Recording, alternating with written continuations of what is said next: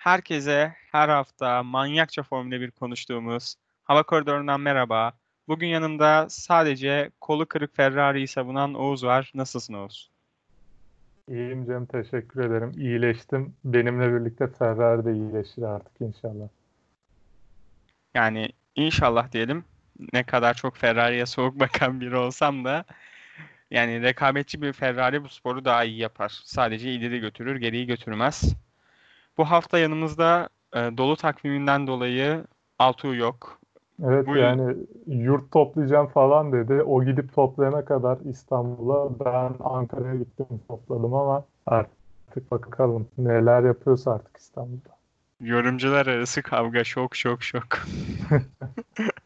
Neyse Ha. biz konumuza dönelim artık. Aynen bugün iki konumuz var. Bir sezon 3 ilk 3 yarışına bir bakış atacağız takip özelinde. Bundan sonra da ikinci konumuz Altuğ'dan sonra başka bir takvim dolduran mecra Formula 1'in yeni takvimine bakacağız. İlk önce takvimden başlayalım. Oğuz, Mugello, Imola, Portekiz ve Nürburgring eklendi. Ne düşünüyorsun bu konu hakkında? Şimdi yeni eklenen 3 pistte sıra sıra konuşarak başlayalım. Önce 11. yarış olarak Almanya Eiffel Grand Prix'si Nürburgring. Nürburgring özellikle dikkatimi çekti. Bakıp biraz hani bilgi toplamak istedim. Büyük ihtimalle kısa pistte yapılacağını düşünüyorum. Ee, ama bilgi bulamadım onunla ilgili. Çünkü şu var yani en uzun sıralama seansı olan Q1'de bile 18 dakika pilotların zamanı var ve uzun pistte yaparlarsa 6,5 dakikanın altında turları bitirme şansı yok kimsenin.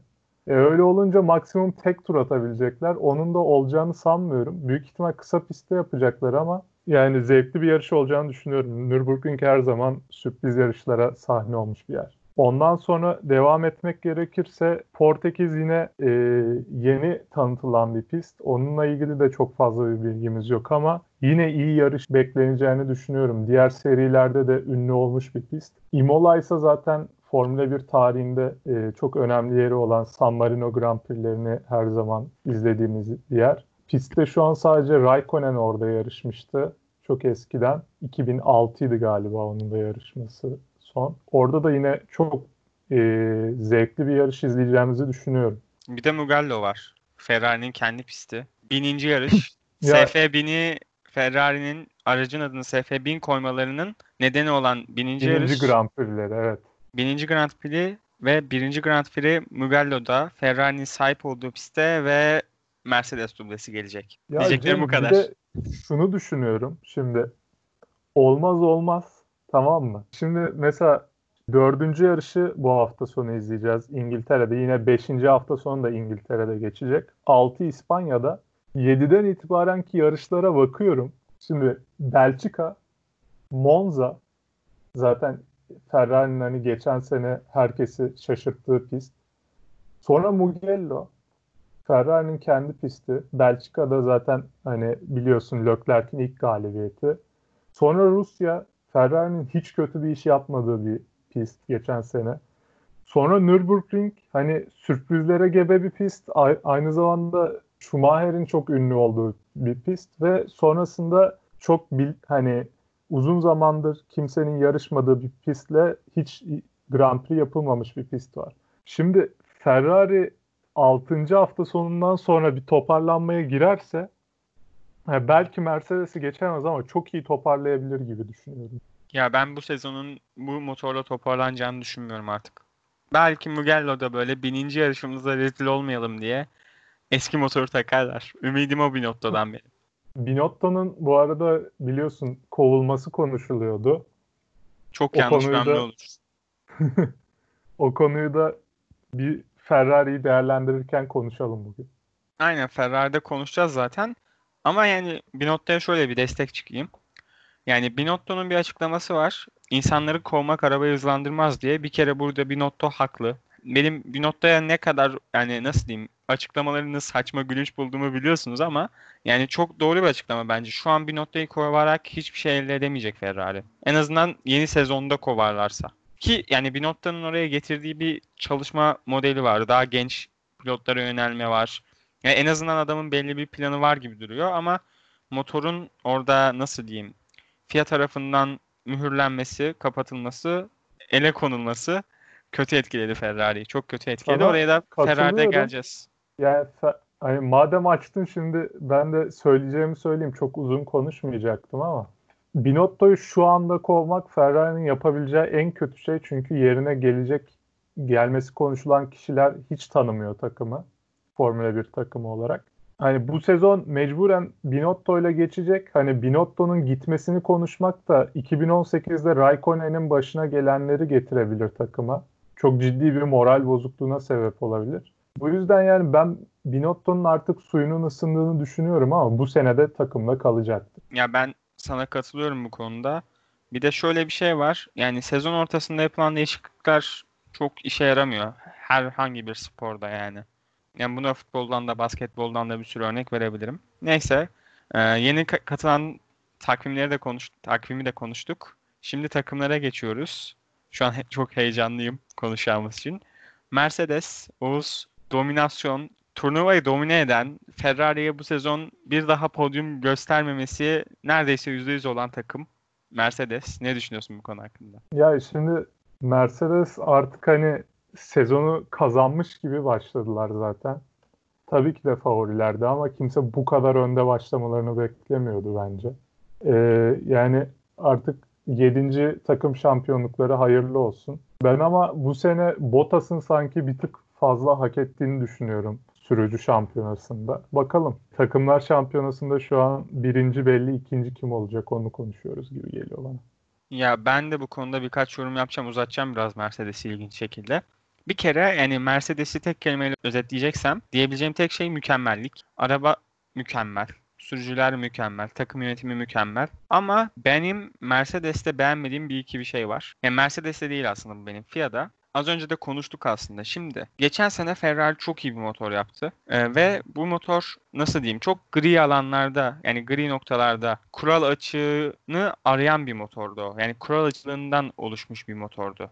Yani ne kural dışıydı ne de kurallara tamamen riayet ediyordu. Aynı bu seneki Mercedes'in DAS sistemi gibi. Kural mant kuralın ana mantığına bakarsak DAS sistemi yasal olmamalı ama kurala okuyorsun. Okuduğun kuralda DAS sistemini yapabilirsin. Buna karşı net bir engel yok. Aynısı bence Ferrari motoru için de geçerliydi ve bu sene FIA bence DAS'ı yasaklamayıp Ferrari motorunu yasaklayarak çok büyük bir haksızlık yapmış oldu Ferrari'ye. Öncelikle bunu demek istiyorum. Bunun dışında da çok nasıl diyeyim e, çalkantılıydı sezon başında Bottas'ın koltuğu özellikle. Russell mı gelecek, Vettel mi gelecek? Orada e, Vettel'in şu an Aston Martin'e çok yaklaşması ve Bottas'ın iyi performansı. Sezona cidden iyi başladı Bottas ve Russell'ın Bottas zaten ilk Grand Prix kazanarak koltuğunu yani ben burayı hak ediyorum diyerek aldı seneye de.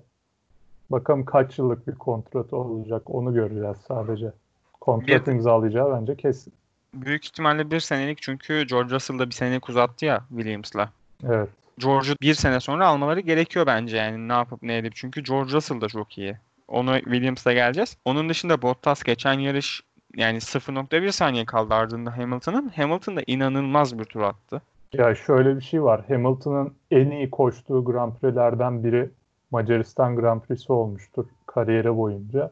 Ve hani ona çok yakın bir tempoda giden bir Bottas olması da e, yani Bottas'ın bu sene hani sanki bir Rosberg'lik yapabileceğini gösteriyor Hamilton'a karşı. Ya bence yapamayacak Rosberg'lik de. Herkes Nico Rosberg olamaz çünkü neyse. Şey bir de Macaristan'da son bir fotoğraf vardı. Hani orada bir köşeyi dönüyorsun. Orada ünlüler çıkıyordu ya bir monitörden. Evet evet. monitörden. Orada Valtteri Bottas geçerken şey vardı. Nico Rosberg hadi git git koş yapıyordu böyle. O komik bir andı bence. Neyse Lewis Hamilton hakkında da tek bir cümle diyeceğim. Kendisi demişti ki şey ben hiç hayatımda olmadığım kadar fitim demişti ve cidden çok odaklanmış, fit ve kariyerinin en üst sürüşlerinden birini sergiledi bence Macaristan'da bu hafta sonu. İnanılmazdı. Yani ezeli rakibi Vettel'e tur bindirdi. Yani her ne kadar Ferrari kötü olabilir de sonuç olarak 1.3 saniye falan gerisinde kalmıştı. 1.3'ü 7 70 ile çarpsanız yaklaşık 100 saniye oluyor. Ama orayı 1 dakika 20 saniyede yani 80 saniyede oluyorlar ve yarışta her şeye rağmen o tur bindirmelere falan rağmen işte Vettel'e e, o 20 saniyeden sadece çok az bir kısım kaybetti. Yani 90 saniye falan fark attı en azından toplamda. Hatta o şey piti yapmasa ekstra piti büyük ihtimalle 110 120 yapacaktı ve yarış temposunda da aslında Vettel'i geçmiş olacaktı. Yani Onun- şöyle bir şey var. Ee, Hamilton Vettel farkında şunu görebiliyoruz. Hamilton e, hani en büyük avantajı Vettel'e karşı bence. Hata yaptığında bu Hamilton'ı motive ediyor. Vettel'i ise yerin dibine sokuyor. Bunu işte Vettel'in Almanya yarışında özellikle 2018'de gördük. Ee, veya 2019 sezonunun tamamını gösterebiliriz Leclerc'e karşı olan rekabetini. Yani Vettel hata yaptıkça bir düşüşe geçerken Hamilton hata yapıp hemen yükselişe geçebilen bir pilot. Bu da zaten şampiyonluk sayılarındaki farkı gösteriyor. Yani son olarak da Lewis Hamilton hakkında bence şu an Formula 1 ile takip eden insanların çoğu Lewis Hamilton'ın ne kadar büyük bir iz bıraktığının farkında değil. Şöyle bir cümle gördüm Twitter'da. Twitter'da tabii her şeyi görebiliyorsunuz ama yani Lewis Hamilton Formula 1 efsanesi değildir yazan bir insan gördüm. Abi yok artık. Bu adam yani bana sorarsanız bu adam tarihin gelmiş geçmiş en iyi 3 pilotundan biridir. Ve yani Yani yaptıklarını ben şu- cidden ben- bırakın cidden bırakınca anlayacağız. Ben yani hani pilotları sıralayacak olsam en üste bir kategori koyacaksam yani bunun içinde Schumacher, e, Senna, Hamilton, Lauda e, ve Prost'la Hunt bence eklenir. yok şey Fangio mu? Çok mu eski Fangio? Fangio. Evet. Fangio kesinlikle. Yani 5 5 kişilik bir hani en üst şey olacaktır yani. Yani Pilot klasmanı. Bir altına işte Feteller, Meteller, Prostlar gelebilir. beklentilerin çok üstünde olan Mercedes'ten beklentilerin altında kalmış bu sezon bir takıma geçelim.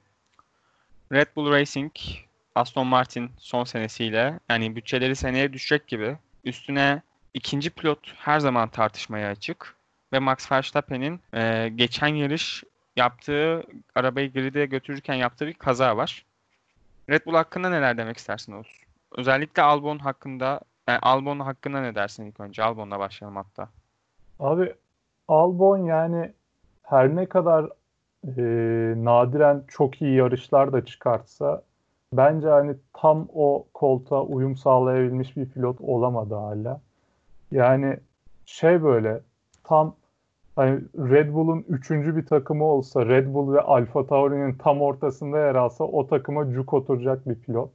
Hiçbir zaman Verstappen gibi olamadı, olacağını da sanmıyorum. Red Bull'un bir tık daha iyi bir pilota sahip olması gerektiğini düşünüyorum. Ama şöyle de bir şey var. Takım da bu sene öyle bir araba yaptı ki yani sürmek için herhalde şey olmak gerekiyor. Yani böyle çok dikkatli olmak, 10 kilometreyle gitmek falan gerekiyor kaza yapmamak için. Ya ikinci ikinci Avusturya kuşatmasında Grand Prix'sinde şey Verstappen işte o en son tur yağmurda zorladı. Ee, en hızlı sektörü yapmıştı birinci sektörde. Ondan sonra ikinci sektörde biraz yavaşladı ama gene hızı geçecek gibiydi Hamilton o, o dönemde. Üçüncü sektörde zorlarken arabayı spin attırdı ve direkt o tur çöp oldu mesela. Red Bull'un böyle bir sıkıntısı var bu sene. Albon Yani konusuna şu an gelecek- Red Bull takımının e, şasi ve aero kısmının hani departmanlarının uyumadan çalışması gerektiğini düşünüyorum yani. O kadar sürmesi zor bir araç ortaya çıktı ki yani bu gidişle hani bir yarış e, çok iyi sonuç alıp öbür yarış iki aracı birden kaybederek falan orta sıralarda bile bitirebilir Red Bull. Biraz toplamaları gerekiyor aracı. Ya öyle bir de orta sıraları şu an yani yakınlar. Nasıl diyeyim? Gidip Max Verstappen bir kere yarış dışında kalsa podyuma büyük ihtimalle Racing Point ya da McLaren'den biri gidecek. Ve onlardan biri gittiğinde otomatikman direkt Red Bull'u yakalayacaklar. Çünkü aradaki puan farkı 14-15. Evet. Böyle bir şey de var. Albon konusuna gelecek olursak ben senin Albon hakkındaki yorumuna katılıyorum ve o Alfa Tauri ile Red Bull arasındaki takım yorumuna. Ve nasıl diyeyim Red Bull'un elindeki en iyi ikinci veya üçüncü sürücü Albon ya da Gasly işte. O ikisi de Red Bull seviyesinde değil ama Alfa Tauri'nin üstünde pilotlar bence de. Yani Gasly daha çok daha ayrı bir profil Albon'dan. Sıralamaları daha iyi, savunması daha iyi bir olan pilot. Albon ise sıralaması nispeten daha kötü ve geçişlerde Gasly'ye göre çok daha iyi bir pilot. Yani bunu Macaristan'da bile gösterdi. İyi kötü adam 5. bitirdi yarışı. Önüne fırsatlar çıktı tabii. Atıyorum Leclerc'in çok yanlış bir strateji seçilmesi. Ondan sonra Vettel'in yaptığı hata o geçişini zaten Vettel'in hatasına borçlu ki Vettel de Evet. çok iyi sürdü. Sadece iki kere hata yaptı ama yani bir hatanızda gidebiliyorsunuz Formula 1'de. Onun dışında Max Verstappen hakkında biraz konuşacağım. Max Verstappen sezona bence iyi başladı. Yani o arabayla bence daha iyisini yapabileceğini ben de düşünmüyorum şu anda. Çok ikisi de yani her e, yarışta bir antrenmanda ya da bir sıralamada spin atıyorlar. Hatta her hafta minimum iki tane spin atıyorlar. Bu arabayla daha iyisini nasıl yapabilirdi Verstappen ben de bilemiyorum. İki podyum gördü. Hatta geçen yarış ikinci oldu ki çok iyi bir yarış çıkardı. Hele hele o arızadan sonra buradan Red Bull mekanikerlerini de övelim. Çok inanılmaz tamir ettiler arabayı. Yani onun için Red Bull'da daha çok arabayı geliştirmeliler ama bunu seneye Aston Martin'in de gidişiyle nasıl olacağını hiç bilmiyorum. Bence pilotları şu an ideal yani. Albon da ideal. Sıralamaları kötü sadece bence Albon'un. O, o alanda kendini geliştirmesi lazım. Ya bilmiyorum bir Perez ihtimali de kapıda görünürken Albon'da hani biraz şey yapması gerekiyor artık. Kendini gösterip bir podyum en azından alması gerekiyor bu yıl ama ben o şeyi göremiyorum. Işığı göremiyorum Albon'dan.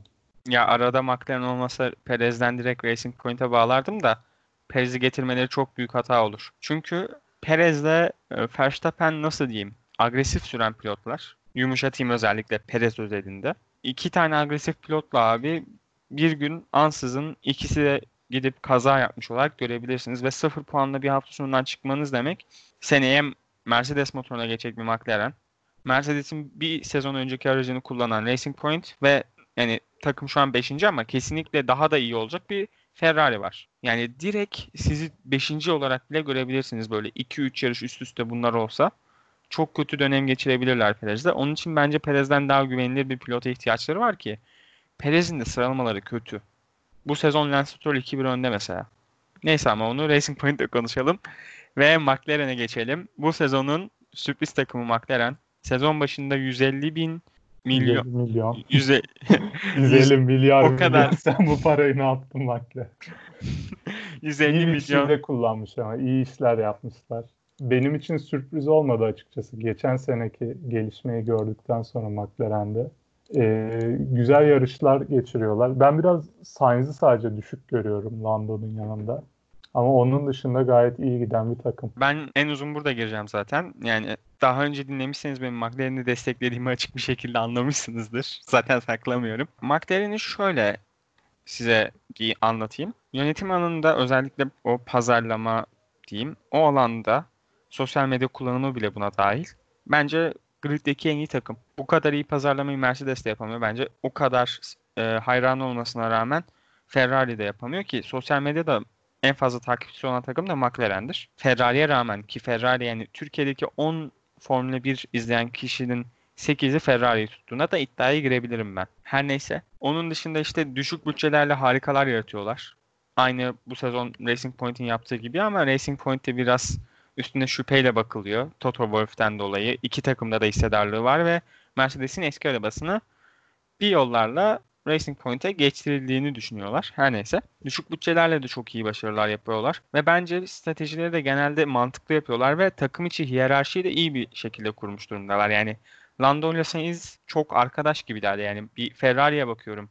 Vettel ile Leclerc arasında sanki kavga varmış gibi. Üç yarışta bir birbirlerine vuruyorlar. Bir tarafta McLaren'e bakıyorum. Kardeş kardeş süt içen insanlar var orada. Yani bu, bu da bir yönetim başarısıdır.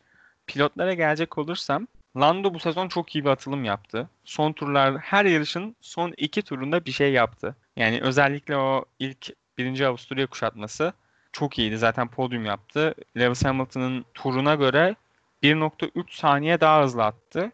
O son bir buçuk turda diyeyim. Yani son bir buçuk turdan daha az bir dönemde. Üstüne bir de yarışın bitmesine bir buçuk tur kala Perez ona bildiğin, bildiğiniz çarpmıştı. Yani çarpmıştı evet. dediğim yolunu çok e, nasıl diyeyim etik olmayan bir şekilde kapatmıştı adamın geçeceği yeri ve temas etmişlerdi. Zaten onun için fark bir anda 6.3 saniyeye çıkmıştı Hamilton'la Norris arası. Yoksa 5.5 arasındaki farklar çok yakınlardı. Oradan gelip sanırım ekstra bir mod açtı ama her şeye rağmen geldi. En hızlı turu attı ve podyuma kaptı Norris. İkinci yarış daha sakin geçti Norris adına. İlk yarış da Sainz adına sakin geçti. ikinci yarışın sıralamalarında Sainz yağmurda çok inanılmazdı. Yani Sainz cidden yağmurda inanılmaz sürüyor. Bunu da unutmayalım. Onun dışında Norris ikinci yarışta biraz daha durgundu ama onda da son iki turda gene hatanı yaptı ve iyi bir sıralama elde etti. Üçüncü yarış Norris'in kötü bir yarışıydı ve gene son turda o konu geçmeyi başardı. Ama Norris'in yarış içinde şöyle bir problemi var. Son turları çok iyi atıyor. Çok gözümüze çarpıyor bu. Ama bunun nedeni de aslında diğer turlarda çok sakin kalması ve diğer turlarda biraz geriye düşmesi oluyor. Yarış içinde istikrarı kaybolabilen bir pilot Norris ve bunu geliştirirse bence çok önemli bir yere sahip olacak. Nesil değiştiğinde Hamilton, Vettel falan emekli olduğunda. Evet yani bu dediğin şeyin tipik örneği zaten ilk yarış Avusturya Grand Prix'si. Yani bir tur içinde hemen Leclerc'e geçilip sonraki turlarda işte son tura kadar çok iyi bir performans göstermesiyle bence bunu anlayabiliyoruz. Ama tecrübeyle gelişecek bir şey olduğunu düşünüyorum. Grid'in en genç pilotu daha da gelişecektir bence. Ya bir de üstüne Norris'i son kez öveyim. Sainz'e geçeceğim oradan. Leclerc'e geçirdikten sonra 1. Avusturya Grand Prix'sinde arkasında hemen Sainz vardı. Sainz de geçmeye çalıştı. Çok iyi bir savunma yaptı ve orada yani pozisyonunu korudu. Oradan sonra Perez de geçti. Arada yani oradan kurtulup sesini kaybetmeyip geri dönüp Perez'i yakalayıp Perez de geçti. Çok iyi bir yarıştı o Norris adına. Neyse Sainz'e geçiyorum buradan sonra da. Sainz sıralamaları geçen yıl kötüydü. Ve bu sezon sıralamalarda cidden kendini geliştirdiğini bize gösterdi. Norris'le 2-1'ler ama çok yakındı sıralamaları. Yani Yağmur'da zaten 3. oldu. En iyi grid pozisyonunu aldı. Onun dışında da işte diğer sıralamalarda da Norris'e çok yakındı. Yani Norris'in böyle 0 Norris'ten 0-5 yediğini görmedim. Ki Norris sıralamalarda gayet iyi bir pilottur. Bu alanda kendini geliştirmesi ona seneye Ferrari'de çok işe yarayacak. Çünkü e, Ferrari'de Charles Leclerc çok iyi bir sıralama pilotu. Bu sene biraz geride kalmış olsa da o biraz araçtan da kaynaklı. Onun dışında yarışında geçişleri hala da geçen sene bıraktığımız gibi çok iyi. Çok sakin ve temiz bir şekilde geçiyor. Savunma pozisyonunda biraz daha iyi olabilir ama onda da gene ortalama üstünde. Onun için yani şu an zaten ben McLaren'in griddeki en iyi 5. ya da 6. araba olduğunu düşünüyorum. Açıkça söyleyeyim. Ama pilotaj McLaren'i şu an 3. yapmış durumda. Yani büyük ihtimalle 4. olacaklar sezon sonunda. Ekleyeceğim bir şey yoksa Racing Point'e geçelim. Yok, Racing Point'e geçelim. Yani Racing Point'e geçerken benim diyeceklerim var. Ben ilk podcast'te Lance Stroll sadece babasının parasıyla yarışan bir adam değil. İyi bir pilot, yetenekli bir pilot. Bu adamda Bottas potansiyeli var demiştim. Bize bu sezon resmen bunları gösteriyor. Çok iyi başladı sezona. Cidden çok iyi başladı. Sıralamalarda geçen sezon 17'ye 3 yenildiği Perez'i şu an 2-1 yeniyor. Ki yani geçen hafta attığı o tur inanılmazdı.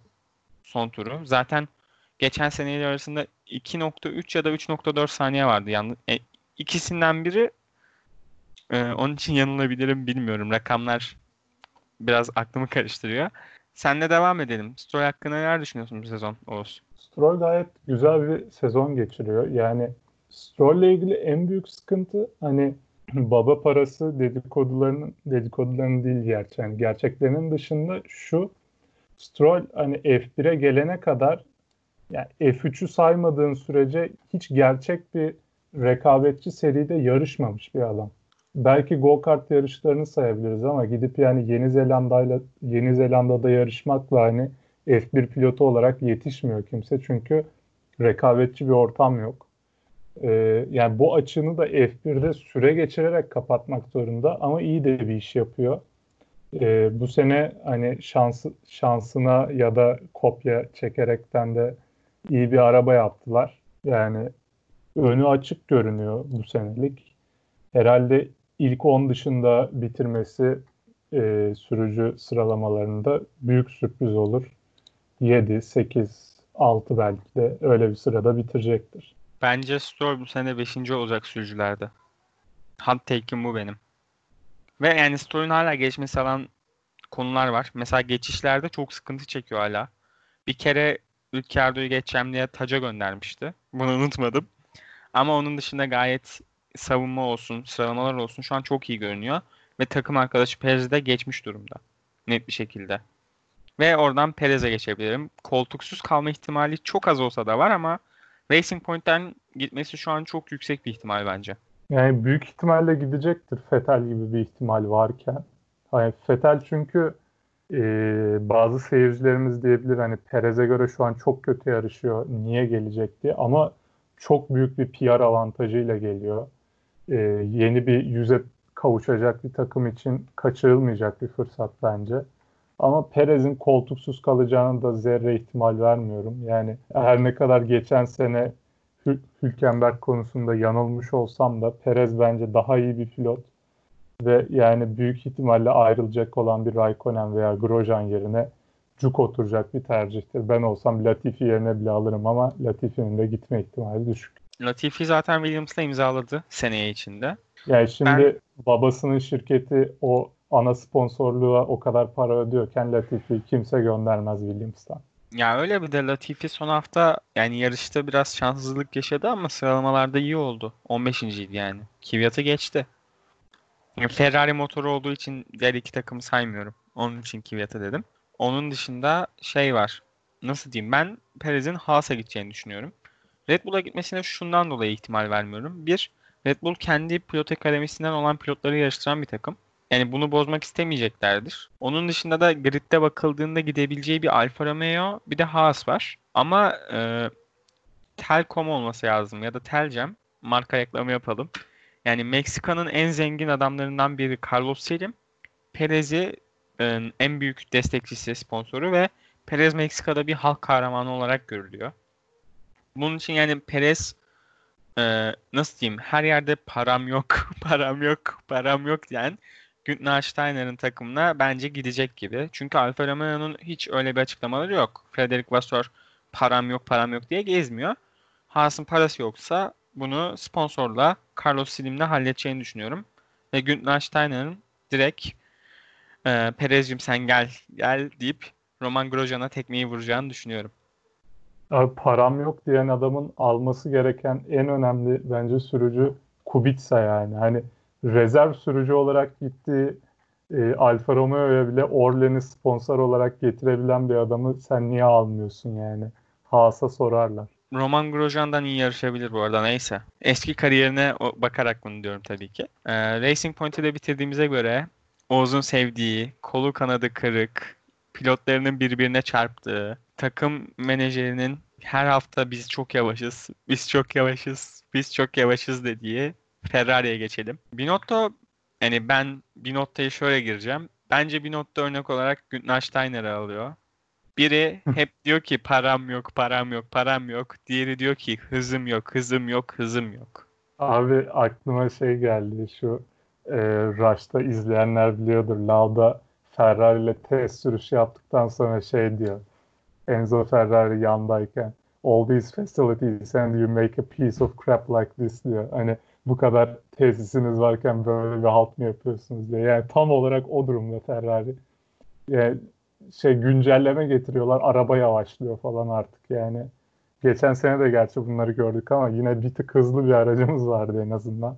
Ee, bu sene kayıp bir sene. Artık Ferrari 2021'e odaklansın diyeceğim. Yine aynı kurallar var. Çok da iyi bir şey yapacaklarını sanmıyorum ama 2022'de kalkıyor. Yani evet 2022'de düzgün bir sezon göreceğimizi düşünüyorum. Umuyorum daha doğrusu düşüneceğim değil de. Ya ben yani 2000... en son babama dedim ki bari baba sen e, babam bu arada mühendis. CV'ni gönder de Ferrari'ye bari seni alsınlar falan dedim. Yani çünkü hiç yapılmayacak işleri yapıyorlar. Ya 2022'de ben iyi olacaklarını düşünüyorum. Çünkü pilotaj olarak Fethel'i kaybetmelerine rağmen yani çok büyük bir eksik yaşamayacaklar. Yerine gridin en iyi pilotlarından Carlos Sainz'i getirirler. Sainz Onun... ama bu sene geçen seneye göre çok daha performans olarak düşük bir sene yaşıyor. İlk 3 yarışa baktığımızda gerçi son yarışta en hızlı tur aldı ama yani umarım ki biraz daha açılır yani böyle bir düşüş göstermesi beni biraz e, yani umutsuzluğa sürüklüyor şu anda. Ya lan e, Lando'nun yanında düşüşte yaşamış gibi görünüyor ama Lando bu sezon gelişti onu da düşün. Bence McLaren'in arabasından ikisi de yüzde yüzde 110'u alıyor. Ben böyle düşünüyorum. McLaren'in o kadar iyi bir arabası olduğunu düşünmüyorum. Şuradan diyebilirim sana. Çünkü e, birinci Avusturya Grand Prix'sinde Lando işte yarışın orta kısmında yavaşlamıştı.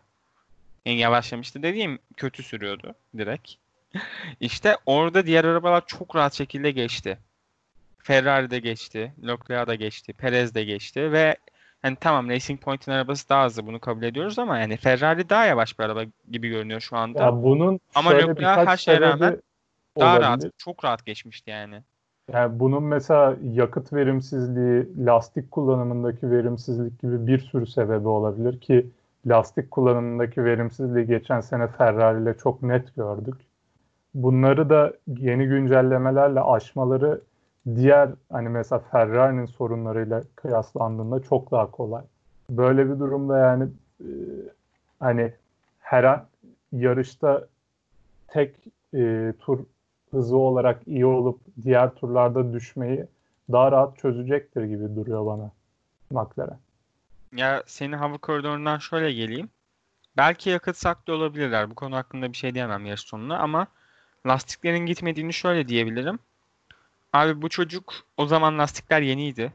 Yani yeniydi ya da 5-10 tur arasındaydı eminim. O lastiklerle geçildi ama aynı lastikler bitmek üzereyken gidip en hızlı turu alıp podyum yaptı. Ben lastik performansından kaynaklandığını düşünmüyorum. Ya olabilir dediğim gibi hani bir örnek olarak sadece söylüyorum. Anladım anladım. Ama tabii ki de farklı şeyler olabilir. Yani sadece hava koridorundan gelmek istedim. Tamam. Onun dışında Leclerc hakkında ne söyleyeceksin? Çok iyi bir geçen Avusturya Grand Prix'si sonra fiyasko ile biten bir Steiermark Grand Prix'si ile izledik Leclerc'i. Ya evet e, ilk yarış gerçekten çok iyi geçti onun için ama bir sonraki yarış belki de e, yani gereksiz bir beklenti doğurdu o hem kamuoyunda hem kendisinde. Bu da yani ilk turda yapılan çok büyük bir hataya sebep oldu. Olabilir. E, genç bir sürücü. Tabii ki de hata yaparak gelişecek. Hamilton'ı hani griddeki herhalde en az kazaya yatkın pilotlardan biri olarak bildiğimiz Hamilton'ı bile 2008'de, 2007'de, 2009'da hatırlayanlar varsa çok saçma sapan kazalar yaparken gördük. Yani 2020'lere damga vuracak pilotlardan biri kesinlikle Leclerc. O yüzden yani hediyip geçilecek bir durum bence. Sezonda da artık hani uzamış bir takvimimiz var. Bu da çok etkilemeyecektir Ferrari'yi. Ama tabii moral olarak toparlanmaları gerekiyor. En önemli şey bu. Ya ben ilk yarışında Leclerc'i çok beğendim. Zaten birinci yarışta diyecek söz yok. Yani Niki Lauda'nın gene Rush'ta dediği bir cümleden yapayım. This is a shitbox. O shitbox'la podyum yaptı. Ee, üçüncü yarışta da bence o yanlış stratejiye rağmen yaptığı savunmalar özellikle Macaristan'da geçiş zor bunu biliyorum ama yani iyi savunma yapmazsanız geçirebilirsiniz. Bu kadar da basit aslında da mantığı. Çok yaptığı çok iyi savunmalarla pistte okumasıyla bir de yani Perez'e yaptığı bir savunma var mesela. Perez'e sol alanı bırakmıştı. Üçüncü viraj olması lazım. Üçüncü virajda. Sol alandan geçmesi Perez'in oradan çok muhtemeldi. Ama orayı bırakmasının nedeni oranın ıslak olduğunu analiz edip oradan ıslak olduğu için geçemeyeceğini anladığı için orayı direkt boş bırakmıştı Perez'e. Bu pisti de yarış anında analiz etmişti. Bunu en iyi yapanlardan biri bu arada Ferrari'nin başka pilotu Vettel. Neyse. Yani yaptığı analiz onun dışında o savunmaları bana çok umut verdi Ferrari'nin geleceği açısından. Yani Leclerc'den beklentilerim arttı ve ben bir gün Leclerc'ın dünya şampiyonu olacağını düşünüyorum. Eğer Ferrari böyle shitboxlar üretmediği sürece. Onun dışında sezon sonunda ayrılacak Vettel var takımdan. O senin Vettel'i çok sevdiğini biliyorum. Vettel'e böyle küçük bir veda konuşması alabilir miyiz senden? Ve bu Abi sezonda da son bakalım. programda yaparız iyice duygulanıp yani. Ama şunu söyleyebilirim ki e, müthiş başlamış bir kariyeri Ferrari sevdasına, Schumacher sevdasına feda etti ve hani feda etmeye de devam ediyor Vettel. Çok duygusal bir adam. Çok e, hani altın kalpli diyebileceğimiz bir adam. Ferrari'ye yakışan bir adam aslında. E, ama hani tutmadı, olmadı Ferrari'de. Bir şampiyonluk gelmedi. Vettel gibi adama da hani şampiyonluk dışındaki her şey başarısızlık olarak geliyor zaten. E, yani yolu açık olsun. Umarım Ferrari dışında Ferrari'yi yenip şampiyon olur. Beklediğim şey odur Vettel'den. Ya ben Mercedes spordan çekilmediği sürece ben Ferrari dışında yeneceğini düşünmüyorum. Çünkü büyük ihtimalle Aston Martin Racing Point'e gidecek ve şu anda Racing Point direkt ikinci takım olduğu için yani Lewis Hamilton'ın geçen sene sürdüğü araçta Lewis Hamilton'ı geçemezsiniz. Böyle bir gerçek de var. Onun dışında e, yani Vettel'in eski fotoğraflarını görüyorum ben hep. Red Bull'da yarıştığı dönemden. Adam çok mutlu. Tabii o zamanlar genç bir de. Çok böyle güler yüzlü. Yani adam dünya tatlısı bir adam. Red Bull'da baktığımızda. Şimdi fotoğraflarını görüyorsunuz Vettel'in. Abi batsın bu dünya bitsin bir rüya havasında herif. Ferrari adamı cidden yaşlandırdı. Adamın yaptığı en iyi şeyleri elinden alıp yapamadığı ortamlara soktu. Adamı gerektiğinde desteklemedi. Yani yolu açık olsun Fethel'in. Ben Fethel'in yani nasıl diyeyim özellikle son zamanlarda sürüşlerini beğenmiyorum genel olarak. Son Macaristan Grand Prix'sinde beğendim.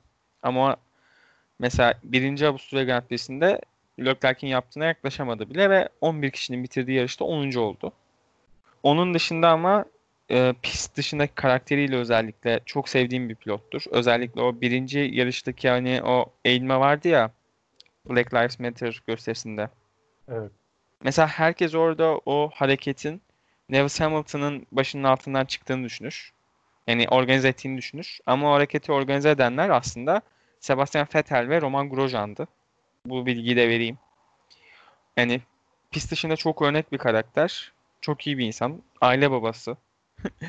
yani daha nasıl söyleyebileceğimi bilmiyorum ama pist içinde Ferrari'nin de ona e, sağlamadığı imkanlar yüzünden çok hata yapan bir pilot. Hata yapmak demişken de buradan çok hata yapan bir e, takım yöneticisi Cyril Abiteboul ve Renault'a geçelim. Seneye Alonso gelecek Renault'a. Bu konu hakkında ne düşünüyorsun Oğuz? O konuda beraber yaşayacaklar. Abi Alonso'nun gelişini yine bir PR çalışması olarak görüyorum ben Renault için. Alonso'dan ben bu yaşından sonra beklenecek çok yüksek bir performans olduğunu sanmıyorum. Yani Raikkonen şimdi Ferrari'ye gitse veya McLaren'e gitse ne olacaksa aynı şey olacak. Yani öyle birinci bir Alonso görmeyeceğiz kesinlikle. Ee, umarım çok da şey olmam hani yanlış çıkmam ama yani beklenti en azından o yönde. Bunun dışında yani kan kaybeden bir Renault var son birkaç senedir. Bunu toparlamaya çalışacaklar ve doğru da bir strateji bence. Ee, Ricardo'yu kaptırdılar. Ricardo'ya düzgün bir araç veremediler. Güncellemelerle bile hiçbir şekilde toplayamadılar aracı geçen sene. Bu seneki durumları da vasat yani tek kelimeyle. Artık 6. mı bitiriyorlar şampiyona, 7. mi? Daha da yüksek bir şey göremiyorum onlar için. Tabi Ferrari bizi kötü yönde şaşırtmadığı sürece. Daha söylenecek bir şey yok bence. Ya bence de çok güzel bir özetledin. Ama ben şöyle bir şey düşünüyorum. Özellikle McLaren'den ayrılışını düşündüğümde Alonso'nun Renault'a this is a GP2 engine, GP2 engine demek için geleceğini de düşünmüyorum. Bence Abu Tabul bir şekilde 2022 sonrasında iyi olacaklarını Alonso'ya ikna etmiş durumda. Yoksa Alonso'nun geleceğini düşünmüyorum ki Abu Tabul'da bu konu hakkında biz 2021'de Alonso'nun yarış kazanmasını beklemiyoruz. Önceliğimiz 2022 dedi. Direkt Abi şöyle de bir şey var. Şimdi Alonso'nun kariyerini düşündüğün zaman Minardi ile başlayıp sonrasında Renault, Ferrari ve McLaren'de yarışmış birisi olarak e, araç gelişimine çok ciddi katkı sağlayabilecek bir pilot. E, bu da yani Renault için en ihtiyaç duyulan şeylerden biri. Hatta başında geliyor. O yüzden ben biraz da hani hem sürücü hem danışman olarak Renault'a geleceğini düşünüyorum. Ya bir de şöyle bir rol olacakmış. Renault Sürücü Akademisi'ndeki pilotlara da yol gösterecekmiş. Zaten o konunun bile böyle bir açıklaması var. Alonso ile çalışacağım için çok mutluyum. Bana yol gö- göstereceğini umuyorum gibi bir açıklaması var o konuda. Yani bence Renault için iyi bir hamle. Riskli de olabilir. İşler bu seneki gibi kötü giderse 2022'de de Alonso orada bir bayrağı çekip ne yapıyorsun diyebilir bu tabula ve direkt o tüm danışmanlık, altyapı koordinatörlüğü diyeyim. O işten de ve pilotluktan da istifa edip gidebilir 2022 sonunda. Bunlar da olabilir. Ama ben Renault'un iyi bir Renault olmasını isterim. Her şeye rağmen, Abu Dhabi'le rağmen. Onun için sabırsızlıkla bekliyorum Alonso'yu. Alonso'dan da onun seneye takım arkadaşı olacak o kona geçelim. Ben biraz paslanmış gördüm o konu. Sen nasıl buldun ilk 3 yarışta? Ocon yani Renault'a yakışacak bir pilot olarak buldum. Yani hani Renault'un performansıyla korole bir şekilde devam eden e, yani aracın hakkını veren ama ileriyi de ileriye de Ricardo gibi taşıyamayan bir pilot. E, yani hani bu vasatın üstünde bir performans gösteriyor bence. Ama e, yani nasıl söyleyeyim çok da üst yerlere geleceğini sanmıyorum hala genç olmasına rağmen. Ya ben de ben Okun'un bence ileride şampiyonanın ilk 8 pilotundan olacağını düşünüyorum sıralamada. Yani iyilik anlamında bile değil sıralamada ama paslandığı çok açık. O ilk yarışta özellikle yapmaya çalıştığı geçişler vardı Magnussen'e. Çok yani çaylak pilotların yapacağı geçişler onlar. Ya, yapmayı deneyeceği geçişler. Yapamadı zaten. Anca freni gidince Magnussen'i geçebildi. Ama onun dışında Yağmur'da 5. olması Okun'un cidden çok iyi bir işti. Yarış içinde onu biraz kaybetti ve arabası arıza yapıp ondan sonra çekilmek zorunda kaldı ama orası bana ışık verdi ve çok iyi pistlerde de çok yani iyi pilotu belirleyen pistlerde de çok iyi sonuçlar aldığını gördük Ocon'un eskiden özellikle Force India'da. Onun için ben Ocon'dan hala bir umudum var. Gelecekte Renault'u taşıyan pilot olabilir. Hem Fransız olması hem de Mercedes'in pilot akademisinden çıkmış olması nedeniyle. Mercedes'i göreceğini çok sanmam. Böyle çok nasıl diyeyim. İleride ben Mercedes'i Max Verstappen ve George Russell olarak görüyorum. Bu olmazsa bile Max Verstappen yerine Lando Norris'in geleceğini düşünüyorum bir şekilde oraya. Tabii buna daha çok yıllar var. Minimum 5 sene falan var ama yani Mercedes'i göreceğini düşünmesem bile ama Renault, yok McLaren, yok Red Bull gibi bu Mercedes'in altındaki nasıl diyeyim tier'daki takımlar için ideal bir pilot olacağını düşünüyorum. Oradan çok kısa bir Ricardo'ya bağlayalım. Abi Ricardo da yani küçük Fetel gibi görüyorum yani Ricardo'yu. Ee, Red Bull'la başlayan çok güzel bir kariyer. İleride şampiyonluklara e, gebe gibi görünen bir kariyer ama e, yani şanssızlıklarla dolu bir de Renault motorundan çok uzun süre çekip sonra takım değiştireceğim deyip Ferrari'ye geçeceğini sanıp Renault'da bitmek yani e, kariyeri iki yıl boyunca yanlış bir yere gitti. Ama tabii en sonunda McLaren'le çok büyük umutlar doğuyor olmada. Umarız, umarım çok iyi bir yere gelir. Çok sevdiğim bir pilot. Özellikle o e, dive bomb denen hani virajın girişinde ani geç fren yapılıp yaptığı atakları çok sevdiğim bir pilot. Yani çok iyi şeyler başaracağını düşünüyorum McLaren'le. Ya ben McLaren'le yarış kazanacağını düşünmüyorum. Podyumlar yapabileceğini düşünüyorum. Ama Vettel'le beraber dediğin gibi senin Ricciardo da benim çok üzüldüğüm bir kariyer. Yani doğru tercih yapamadı. Renault tercih cidden Drive to Survive'da da kendisi dedi. Çok önemli bir tercihti. Ama bu tercihi biraz false çıktı ve bunun şu an ceremesini çekiyor gibi. Yani bir daha dünya şampiyonu olacak potansiyelde bir arabayı alabileceğini görmüyorum ve sanmıyorum açıkçası. Buradan bir gelişim takımı olan Moda markası Alfa Tauri'ye geçelim. Sezona çok iyi başlayan bir Pierre Gasly var. Özellikle bir yani... o kadar da kötü başlayan bir Kvyat var. Evet. Biraz Gasly övmek istiyorum ben bugün. Yani özellikle o geçen hafta Q3'e kalışı, o tık tık eden motorla bildiğin tar tar diye bir ses geliyordu motordan. Bu motorla adam Q3'e kaldı. Zaten Q3'te de tur atamadı. Ondan sonra motoru değişti. istediği performans alamadı. Çok şanssız bir hafta sonu geçirdi. Ama ona rağmen Q3'ü gördü. Onun dışındaki diğer yarışlarda da Kvyat'a çok net bir üstünlük sağladı ve yani bu bazen ben dedim ki bu çocuğu neden Red Bull'dan bu kadar erken gönderdiler? Demedim değil. Ve yani Gazi de böyle görünce açıkçası ben Red Bull'un Albon'la Verstappen'e benzer arabalar verdiğini düşünmüyorum. Yani aynı bile demiyorum. Benzer arabalar verdiğini düşünmüyorum. O kadar ya. Albon bu takımda güneş gibi parlıyordu. Albon gitti. Red Bull'a söndü. Gazze öncesinde güneş gibi patlıyordu. Red Bull'a gitti. O da söndü. Sonra Alfa Tauri'ye geri döndü. Gene güneş gibi parlamaya başladı. Çok ilginç. Cidden ilginç bir olay. Onun dışında da Kvyat'ın ben seneye kalacağını düşünmüyorum. Bu biraz alttan gelecek pilota da bağlı. İşte Red Bull kendi pilotlarını yetiştirmeyi çok seven bir takım.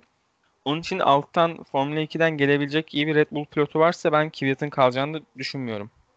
Yani ben şeyi görmek isterim Formula 1'de. Nick de Vries'i görmek isterim.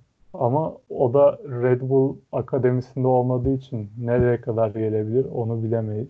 Alttan gelecek olarak da bu sene Formula 2'de ikidir yarış kazanan Schwarzman'ı görüyoruz. Belki o gelebilir. Bilemiyorum yani. Schwarz'ın şey pilotu değil mi Ferrari? Ben Ferrari pilotu Evet. diye biliyorum. Bence Ferrari pilotu almazlar ki Ferrari bence onu Alfa'ya alır. Ee, Alfa'ya olabilir yani. Alfa Tauri'yi çok kısa değerlendirdik. Ama zaten Red Bull'la iç içe olan takımlar olduğu için orada da zaten Albon'un sözünü geçirdik. O zaman Alfa Romeo'ya geçelim. Giovinazzi'ye geçelim. Kimi Raikkonen'e geçelim. Ferrari'nin motorundan çekiyorlar bu sene. Ferrari'den daha fazla çekiyorlar zaten. Ee, yani ilk yarışta da şey gördük. Pitte yapılan hataları gördük. Raikkonen yarış dışı kaldı. Gio ama bu sene geçen seneye göre çok daha iyi geldiğini düşünüyorum. Gelişim gösterdiğini düşünüyorum. Raikkonen de yani büyük ihtimalle son senesi olan bu sene biraz düşüş gösteriyor. Puan ala birkaç puan alarak hani 10-20 puanla belki bitirebilecekleri bir sezon bence bu sezon. Çok da bir şey yapamayacakları ama çok kötü de olmayacakları, Williams seviyesine düşmeyeceklerini düşünüyorum. Bence Williams'ın ben Alfa Romeo'dan üstün olduğunu düşünüyorum ben bu arada. Williams şu an griddeki en iyi 8. araba bence. Ama Williams'ta bunu diyeceğim. Alfa Romeo'ya da çok kısa geçmeyi düşünüyorum ben. Yani Giovinazzi gelişim gösterdi ama bu gelişime rağmen bence hala bir Formula 1 pilotu olacağını bize kanıtlamadı bu sezonda. Yani Kimi Raikkonen'in de bu sezon çok kötü bir sezon geçiriyor. Ama ağzımıza çok böyle minicik bir tatlı an bıraktığı bir şey olmuştu. Av- Birinci Avusturya Grand Prix'sinde. Raikkonen'in tekerleği Avusturya'da bağımsızlığını ilan ediyor diye Twitter sayfalarını görürüz ileride. Onun dışında Alfa Romeo'nun çok iyi bir yapılanması vardı. Çok övülen bir yapılanması vardı. Ama bu sezon biraz Ferrari'nin de yüzünden patladılar. Umarım ileride daha iyi bir Alfa Romeo görürüz. Yani sporun ilk başladığı yarışı kazanmış bir takım Alfa Romeo. Ve her zaman sporda olmasını isterim etkin bir şekilde. Yani şu an daha çok gelişim takımı olarak görülüyorlar ama seneye Giovinazzi ile Kimi Raikkonen'le yollarını ayırıp bence Schwarzman'la ve Mick Schumacher'le çok iyi işler yapabileceğini düşünüyorum Alfa Romeo'nun. En azından çok iyi iki pilotunda Ferrari'nin bünyesinde hala daha kalacağını görmek isterim. Buradan podcast'imizin sevilen ismi, Türkiye'deki tek Haas hayranı büyük ihtimalle, Altun'un takımı Haas'a geçelim. Strateji dehası Günther Steiner'e geçelim. Kaza yapma dehası Roman Grosjean'a geçelim. Ve son hafta çok iyi bir sonuç olmuş olan Magnussen'e geçelim. Yani geçmeden önce son hafta özellikle Günther Steiner'ı övmek istiyorum. O nasıl diyeyim pistin kuruduğunu anladığında hemen pilotları pite çağırdı ve minimum pilotlarına 10-20 saniye kazandırdı yarışın başında. Çok iyi bir hamleydi. Yani o pitten çıkıştaki trafiğe de kalmaları olabilirdi. Ondan da kurtardı. Mesela Vettel'le Norris kaldı. Ama Grosjean ve Magnussen'de hiç böyle bir şey olma ihtimali bile yoktu. Önceden pit yaptıkları için. FIA bunu cezalandırdı ekstra bilgi verdikleri nedeniyle ama sadece 10 saniye kaybettiler ama bunun karşılığında bir puan kazandılar ve büyük ihtimalle bu sezondaki tek puanları bu olacak. Eğer çok ekstra bir yarış olmazsa birinci Avusturya yarışı gibi. Ve son olarak da demek istediğim tek bir şey var. Neden Grosjean hala Formula 1'de yarışıyor? O sendeyiz. Şey Kemal Sunal'ın bir sahnesi var yani 200-200 veriyorlar. Onlar sendikalı. E ben de harranlıyım diyor. Onun gibi yani sendika başkanı olunca herhalde koltuk veriyorlar adama. E, ama bu sene herhalde Grosjean'ın son senesidir. Yerine e, yani daha iyi bir pilotun geleceğini düşünüyorum. Tabii konuşulan bir sürü isim var. Belki Mick Schumacher bile olabilir. Bakalım yani yani koltuğu hak etmeyen birisi olduğunu düşünüyorum. Haas'ta yani kurulduğu zamandan sonra 2019'a kadar yakaladığı ivmeyle iyi gelmiş ama sonra tekrardan düşmüş bir takım. Bu sene de cidden hani pek bir şansları yok. Ama Ya- gerçekten Günter Steiner'i son yarış için sonuna kadar tebrik etmek lazım. Müthiş bir strateji buldu. Yani her ne kadar pit yolundan da başlasalar, ceza da alsalar süper bir hamleydi. Diyecek bir şey yok ona. Ya bir de nasıl diyeyim Günter Steiner'i çok eleştiriliyorduk son dönemde. Özellikle açıklamalarıyla. Biraz kendine en azından rahat bir alan edindi bu son yarışta yaptığı şeyle. Çünkü bu sezon ben başka puan alacaklarını cidden düşünmüyorum böyle. İkinci Avusturya yarışı gibi ya da Macaristan gibi ortalama geçen yarışlarda.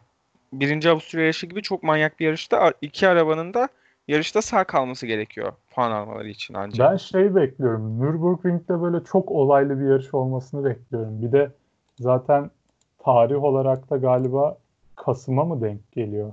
Ee, Ekim'e mi denk geliyor? Yani Almanya'nın yağmurlu olacağı bir döneme denk geliyor. Ee, bir de hani bölge Eifel ormanları bayağı hani yağış alan bir yer. Orada belki Haas'ı iyi bir yerde görebiliriz. Veya mesela e, geçtik ama Kvyat'ı da orada nasıl geçen senin Hockenheim'da podyum yaptıysa iyi bir yerde görebiliriz. Ya ama şöyle bir şey var. Bahsettiğimiz takım Haas olsun. Yani pilotlarını bir düşünüyor musun? Grosjean'ın Nürburgring'den arabayı sağ çıkaracağını düşünüyor musun? Yani sanmıyorum da e, bir Umuyorsun. ihtimal. Bir ihtimal. Yani Magnussen belki yapabilir bir şeyler. Magnussen bu arada son hafta cidden çok iyi sürdü. Onu da tebrik edelim buradan. Yani ben Ya biraz olgunlaşmış Magnussen görüyorum ben bu sene. Ben Yani de- o milleti biçen Magnussen gitti. Biraz daha düzgün işler yapan olgun bir Magnussen geldi. Ee, umarız da böyle kalır yani. Ya ben Magnussen'e olamamış Max Verstappen diyorum ya. Max Verstappen'in izinden ilerliyor işte. Max Verstappen de son 2-3 sezonda olgunlaşmaya başladı ya. İnsanları biçmemeye başladı. Magnussen de onu 2 sene geriden işte takip eden bir arkadaşımız. Onun dışında param yok, param yok, param yok diyen Haas'tan başka parası olmayan bir takıma geçmek istiyorum. Williams. Bu konu hakkında ne demek istersin Oğuz? Abi Williams şey ya e, o Formül Laz var ya biliyor musun? Karadeniz'de yapıyorlar tahtadan arabayla yokuş aşağı falan böyle. Ha, öyle arabalar yapıp sadece pilotlarının yeteneğine güven, güvenen bir takım haline geldi. Her ne kadar biraz gelişim görsek de son yarışta yani George Russell abimiz ne yaparsa biz de izinden gideriz diye bakıp bir şeyler yapmaya çalışıyorlar puan almaları sadece George Russell'ın kişisel yeteneğine kalmış bir durumda bu sene. Bakalım. Yani Latifi'den de zaten pek bir şey beklemiyorum. İyi bir sürücü olduğunu da düşünmüyorum. Ee, ama yani e, bu dar boğazda olan bir takımın iyi bir sonuç alıp sporda tutunmasını da isterim. Ya Williams'ta da biraz uzun konuşacağım McLaren'deki gibi. Williams'ta şöyle bir olay var. Sıralamalarda arabaları cidden hızlı. Yani geçen hafta Alex Albon'la başa baş bir sıralama geçirdi George Russell. Yani griddeki en iyi 2 ya da 3. arabayla benzer bir tur attı. Onun dışında Latifi de ikinci sıralama seansını görmeyi başardı. Ki Latifi eleştirdiğimiz ve bize göre en azından gridin en iyi 15 pilot arasına bile girmeyecek bir isim. Yani en kötü 5 pilottan biri. Ona rağmen Q2 görmeyi başardı. Kvyat'ı ve AlphaTauri'yi geçti. Ki AlphaTauri'nin diğer arabası da Q3 yapmıştı. Onun dışında e, ama yarış temposunda da sıralamanın tam tersi olarak Alfa Romeo ve Haas'ın da gerisindeler her şeye rağmen. Yani yarış temposunda en kötü araçlar ve pilotlar da bence özellikle George Russell üzerinde konuşuyorum bunu. Çünkü Latifi'yi daha çok görmedik. Bir senedir, geçen sene hiç yarışmadığı için yarış temposunda hata yapma olasılığı daha da artıyor. Mesela birinci Avusturya Grand Prix'sinde trafikte hata yaptı ve çakıl havuzuna gitmişti. Oradan sonra yarışı bitmiş gibi olmuştu. Ancak takım arkadaşını geçebilmişti George Russell. Ondan sonra da arıza yapmıştı. Latifi için de aynı şey geçerli. Gene geçen hafta 15. sıradan başladı. Belli bir trafiğin içinden başladı. Ve orada da hata yapıp gene geri düştü. Sonra başka bir hata yapıp takım arkadaşından 3 tur 4 tur fark yedi. Yani Williams'ın bunu çözmesi lazım önce. Yarış temposunda nasıl hızlı olacaklarını bulmaları lazım. Onun dışında geçen seneye baktığımızda mucize yaratıp bence çok iyi bir araç yapmışlar geçen seneden sonra. Zaten testlere yetiştirdiler bu sene arabayı. Onun için daha sıkıntı vardı. Neyse. Yani ben de Williams'ın yani Formula 1 tarihinin en önemli 3 takımından birinin bu sporda devam etmesini isterim ki umarım devam ederler. Ama onların şu an senin dediğin gibi George izinden ilerliyorlar ya. Geleceği daha iyi düşünmeleri lazım. Çünkü George Russell bu sene kaldı. Yani seneye kaldı. Bu sene kaldı. Peki ondan sonraki sene George Russell gidince ne yapacaklar? Formula 3'ü şu an bence çok iyi takip edip oradan kendilerine hem parası olan hem de iyi bir pilot bulmaları ve onun üstüne yoğunlaşmaları lazım şimdiden. Ya parası olan pilot olayı da biraz çıkmaz açıkçası Cem. Ben öyle görüyorum. Yani Latifi bence buna güzel bir örnek. Hiçbir şey yapamayan bir pilot ve kovamıyorsun yani. Düşünsene. O da Ya biraz sıkıntı. Yani şey sponsoru var. olan pilot iyi ama yani gelip bütün takıma etki eden bir pilot da biraz sıkıntı bir şey. Her ne kadar iyi para getirse de. Ya ama şöyle bir şey var Oğuzcum. Mesela parası olan pilotları sayar mısın bana gridde? Yani Lance Stroll Sergio başta. Perez, Perez, evet.